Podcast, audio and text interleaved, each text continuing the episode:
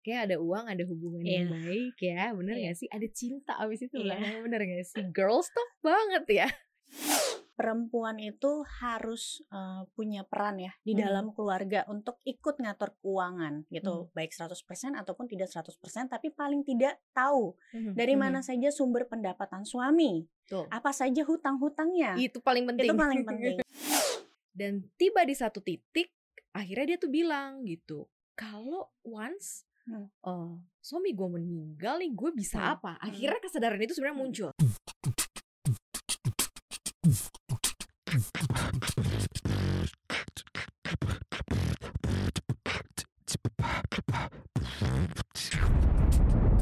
Cuap-cuap cuan. Hai Sobat Cuan, selamat datang di podcast Cuap Cuap Cuan Hari ini ada Maria Katarina dan ada Olivia Louis Hai Olive Olivia Louis ini sekaligus juga memperkenalkan ke Sobat Cuan. Jadi Olivia dan CCC kita akan bersama-sama juga untuk selalu memberikan eh, cerita-cerita yang menarik ya seputar dunia keuangan. Dan Olive di sini sebagai financial expertnya CNBC Indonesia Sobat Cuan.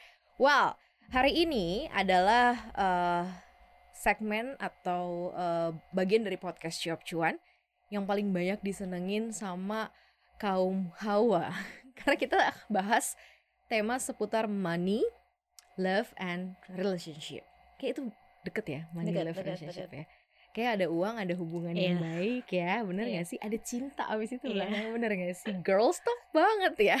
Nah hari ini kita bahas mengenai istri-istri sang menteri keuangan. Bukan hanya menteri keuangan, somehow istri-istri ini juga sebagai eh support system dalam keuangan, bener gak sih? yes Nah, yang sering mungkin Olive capture dari yang kebanyakan nih eh, yang terjadi di roundsnya Olive nih seperti apa sih? Apakah pengendalian keuangan memang as always ada di istri? Oke, kalau misalnya yang ada di lingkungan aku, iya. Tapi nggak 100% juga gitu. Mhm, Dalam mhm. artian adalah tergantung dari kesepakatannya ya, sudah pasti di awal. Kalau untuk urusan rumah, yang penting-penting ya, misalnya bayar sekolah, listrik itu biasanya memang istri-istri yang handle.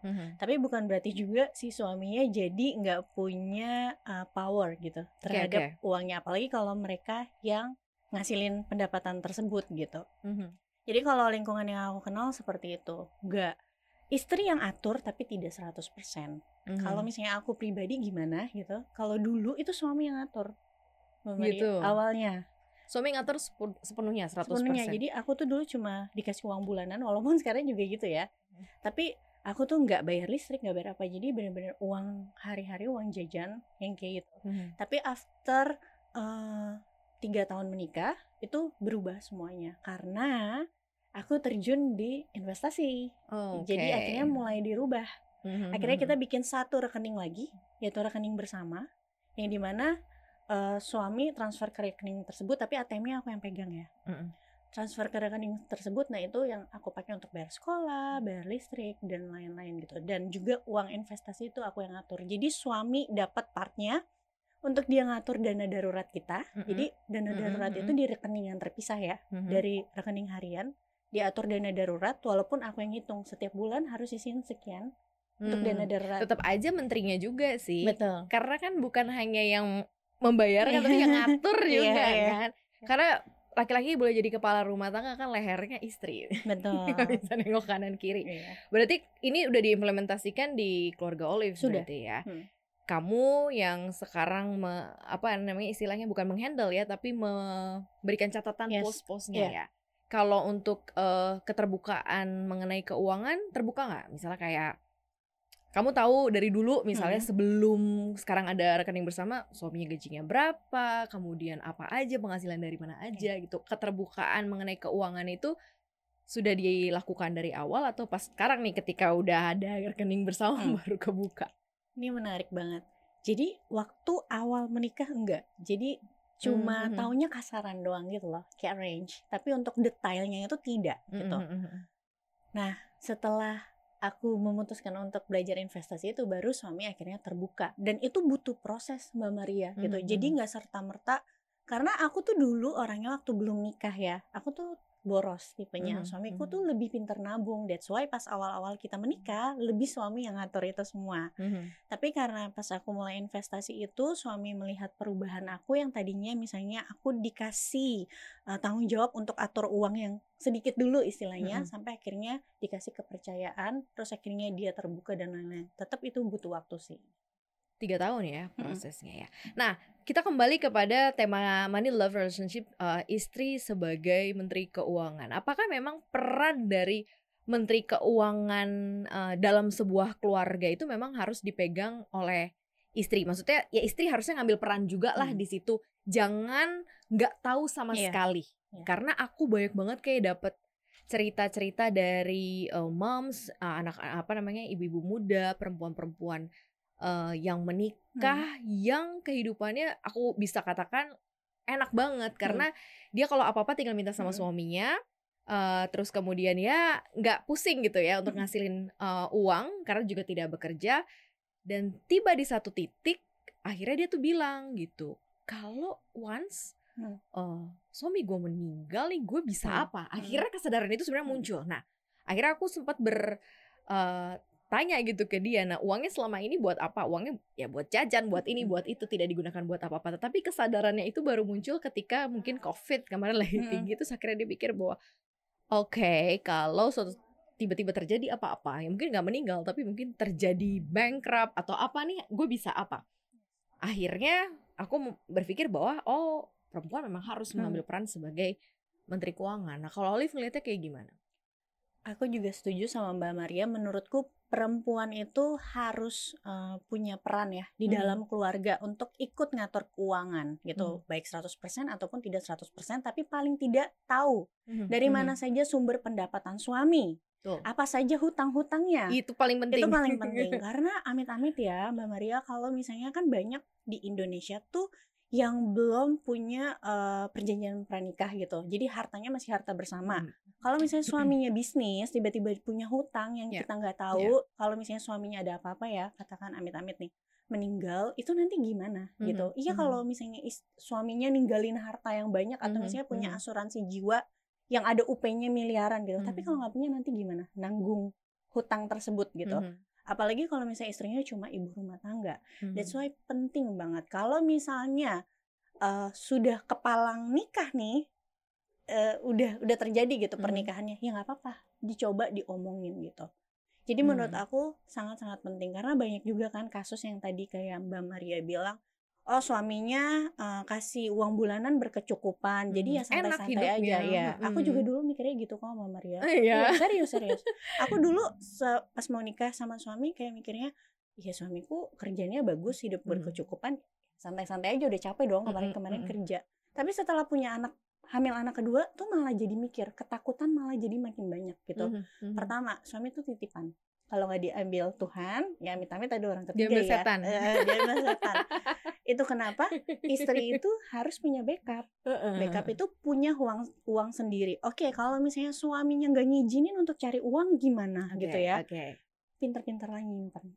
Jadi Mhm. Kita tuh sebagai perempuan harus punya rekening sendiri Mhm. atau rekening investasi sendiri yang atas nama kita. Jadi sisihin lah dari misalnya uang bulanan suami. Kalau misalnya suami nggak kenapa-napa pun, toh uang tersebut yang kita investasiin atau kita tabung nantinya pas anak-anak gede bisa dipakai untuk apa gitu loh. Tapi Mhm, ini yang mhm. penting kita ada backup. Jadi kalau misalnya once sesuatu terjadi sama pernikahan kita, kita tuh nggak kaget. Mhm. Gitu. Olive kan juga mengalami uh, step atau proses untuk meyakinkan Hmm.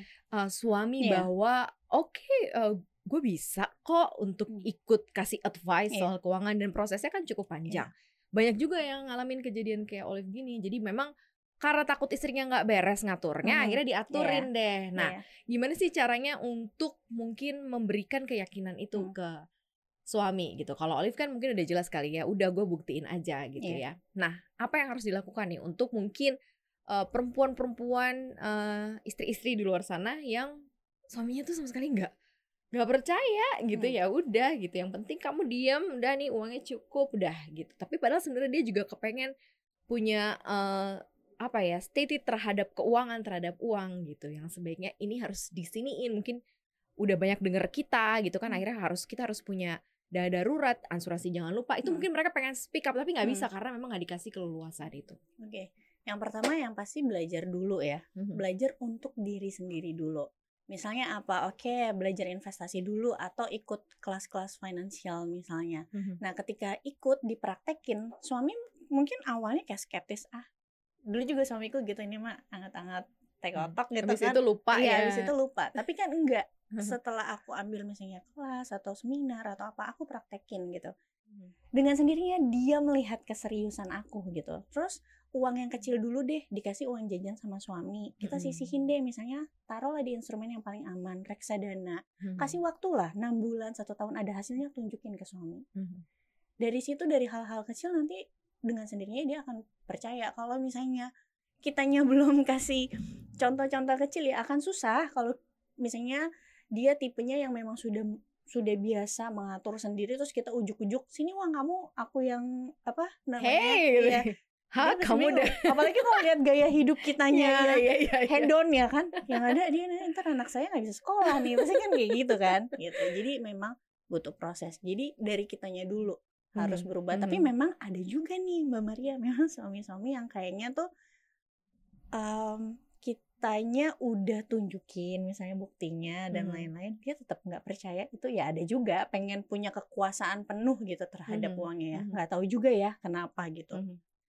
tapi yang aku mau ingetin sama sobat cuan kalau ada yang di posisi seperti ini suaminya benar-benar nggak kasih kesempatan untuk istri-istrinya pegang uang ya udah atur sendiri aja diem-diem kalau dikasih uang katakanlah uang bulanan misalnya Mhm, berapa mhm, 10 mhm, juta mhm. kalian harus bisa sisihin 10% misalnya untuk investasi untuk kalian tabung sendiri karena perasaan tuh bisa gampang berubah loh kalau Mhm. seseorang tiba-tiba lagi mencintai suatu hal akal sehat itu bisa hilang yang Ya benar sekarang benar benar. yang sekarang Benar. bisa aku akan melindungimu sampai Mhm. kakek nenek we never know kemarin ya kebetulan nih kalau aku boleh cerita sedikit aku ada baca salah satu account di Mhm. Instagram jadi account tentang pembahasan keuangan jadi ada yang curhat gitu tentang suaminya minta izin mau nikah lagi tapi dengan ancaman kalau kamu nggak memilih nggak cerai izinin. iya Mhm. saya nggak akan kasih kamu uang bulanan Jadi tetap harus mau berarti mau dimadu, harus Iya. mau dimadu gitu karena ya. udah diancam gitu kalau kamu nggak izinin saya nggak akan kasih kamu uang bulanan Oh, Gimana? oke. Ih. kalau maksudnya kalau posisi Iya. gue kan nggak di situ ya, nggak Iya, tahu iya. perasaannya Jadi, soalnya. better kita punya backup Ya itu better juga kalau kita memang perempuan itu punya independensi Yes. eh, untuk keuangan sih. Walaupun uangnya berasal dari suami dan hanya bentuknya uang jajan, pengaturannya kan begitu dikasih ke kita, Betul. berarti kan independensinya punya kita. Iya. Nah itu pintar-pintar. Kalau tadi Kak Olive bilang eh, langsung disisihin gitu ya Hmm. buat investasi itu kayak memang buat backup Mm. diri sendiri Iya. gitu. Karena kita nggak bisa mengharapkan orang itu bisa stay sama kita seumur hidup ya. Mudah-mudahan bisa sampai Mm-mm. seumur hidup. But we never know ya Iya. kita nggak pernah tahu kan.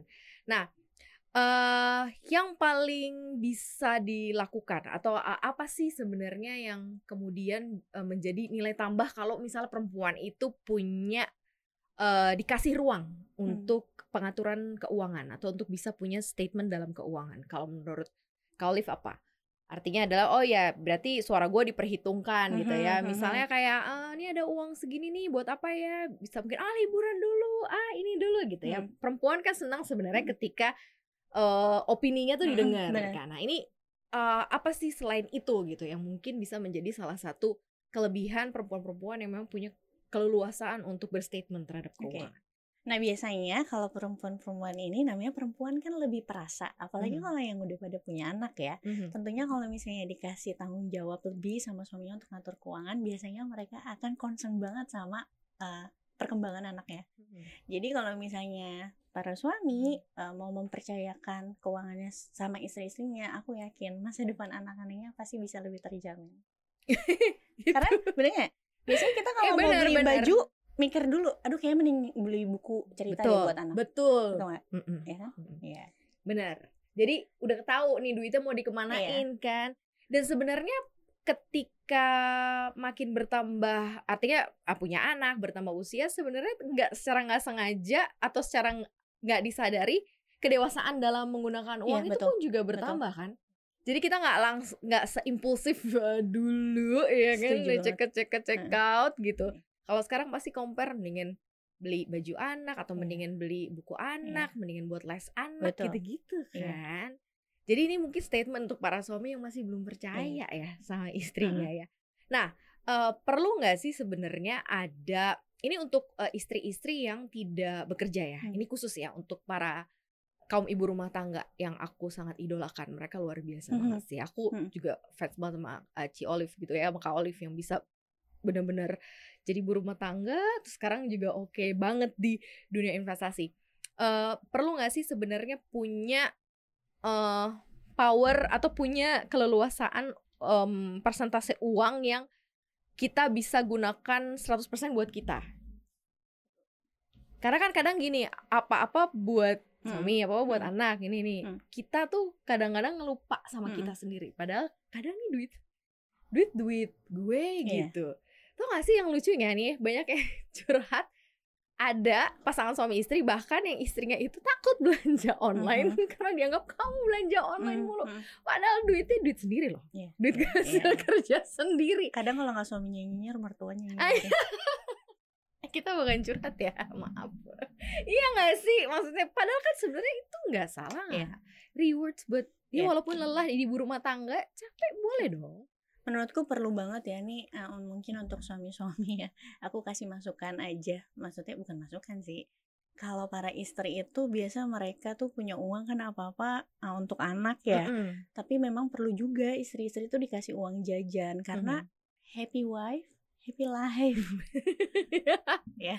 happy wife happy kids Iya, Happy kids, happy life Iya. gitu. Jadi em, apa berapa gitu porsinya? Ya semampunya suaminya lah. Bukan berarti juga istrinya gara-gara lihat temennya gonta-ganti tas terus terus istrinya mau seperti itu juga tanpa Mhm. memikirkan Mhm. kemampuan suami. Tentu sesuai dengan kemampuan suami gitu. Tapi menurutku perlu nggak sih alokasi suami memberikan istri untuk jajan atau misalnya untuk dia merawat dirinya, untuk Mhm. shopping perlu. Itu Sesuai perlu kemampuan. ya? Perlu lah karena para istri juga harus berpikir em, bukan cuma masa depan anak-anak tujuannya tapi kebahagiaan diri sendiri gitu ya. Jangan lupa kita juga tuh istri-istri tuh manusia jadi kita Hmm. juga perlu bahagia. betul Iya. Ini kalau suami-suaminya yang nyampein ke Olive gini langsung, oke besok kamu mau beli apa? Jadi intinya adalah istri sebagai menteri keuangan bukan hanya mengatur keuangan, tetapi kebahagiaan dia untuk berstatement soal keuangan, kemudian juga eh, apa ya eh, posisi dia sebagai orang yang juga bisa dimanjakan gitu ya itu juga harus terpenuhi. Biar gimana pun komunikasi apalagi soal duit kayaknya perlu lebih early kali Iya, ya. iya.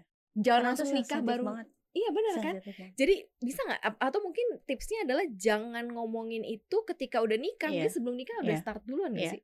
Kalau zaman sekarang harusnya seperti itu ya. Mhm. Lah, lebih baik diomongin karena aku juga lihat ada beberapa case yang ketika mereka ngomongin tujuan finansialnya nih, nanti Mhm. ketika berkeluarga seperti apa, oh nggak nyambung akhirnya pisah sebelum nikah. Yang apa pun Ya juga better lebih sih, baik better lebih ya. baik sebelum nikah kan heeh. dibanding ka- ketika udah nikah nggak enak nggak enakan Mm-mm, gitu. Jadi mm-mm. lebih baik terbuka. Terbuka tuh dalam artian bukan hanya berapa yang perlu saya kasih ke istri, tapi juga ya tadi terkait hutang, terkait juga memberikan kepada keluarga, misalnya ke orang Yes, tua itu iya. juga harus diomongin gitu Mhm. ya. Eh, apa? Walaupun kadang kalau kita ngomongin seperti ini ya, Mhm. pasti suka ada aja yang nggak setuju. Itu mau nikah apa Iya. transaksi tra- transaksional sih seperti itu ya. Padahal Iya, iya, iya, seperti iya, yang iya. kita tahu salah satu em, salah satu alasan banyak perceraian itu karena Keuangan, ekonomi Nah, ekonomi keuangan. paling pertama. keuangan tuh bukan berarti hidupnya susah juga ya tapi Mhm. karena nggak nyambung visi misinya terhadap finansial dan lain-lain gitu. Karena mungkin ada yang diumpetin dari salah satu pasangannya gitu. Jangan sampai juga gara-gara nggak enak nih ya ada juga Mhm. kayak seperti ini. Si istrinya nggak enakan yang ngomong finansial sama suaminya.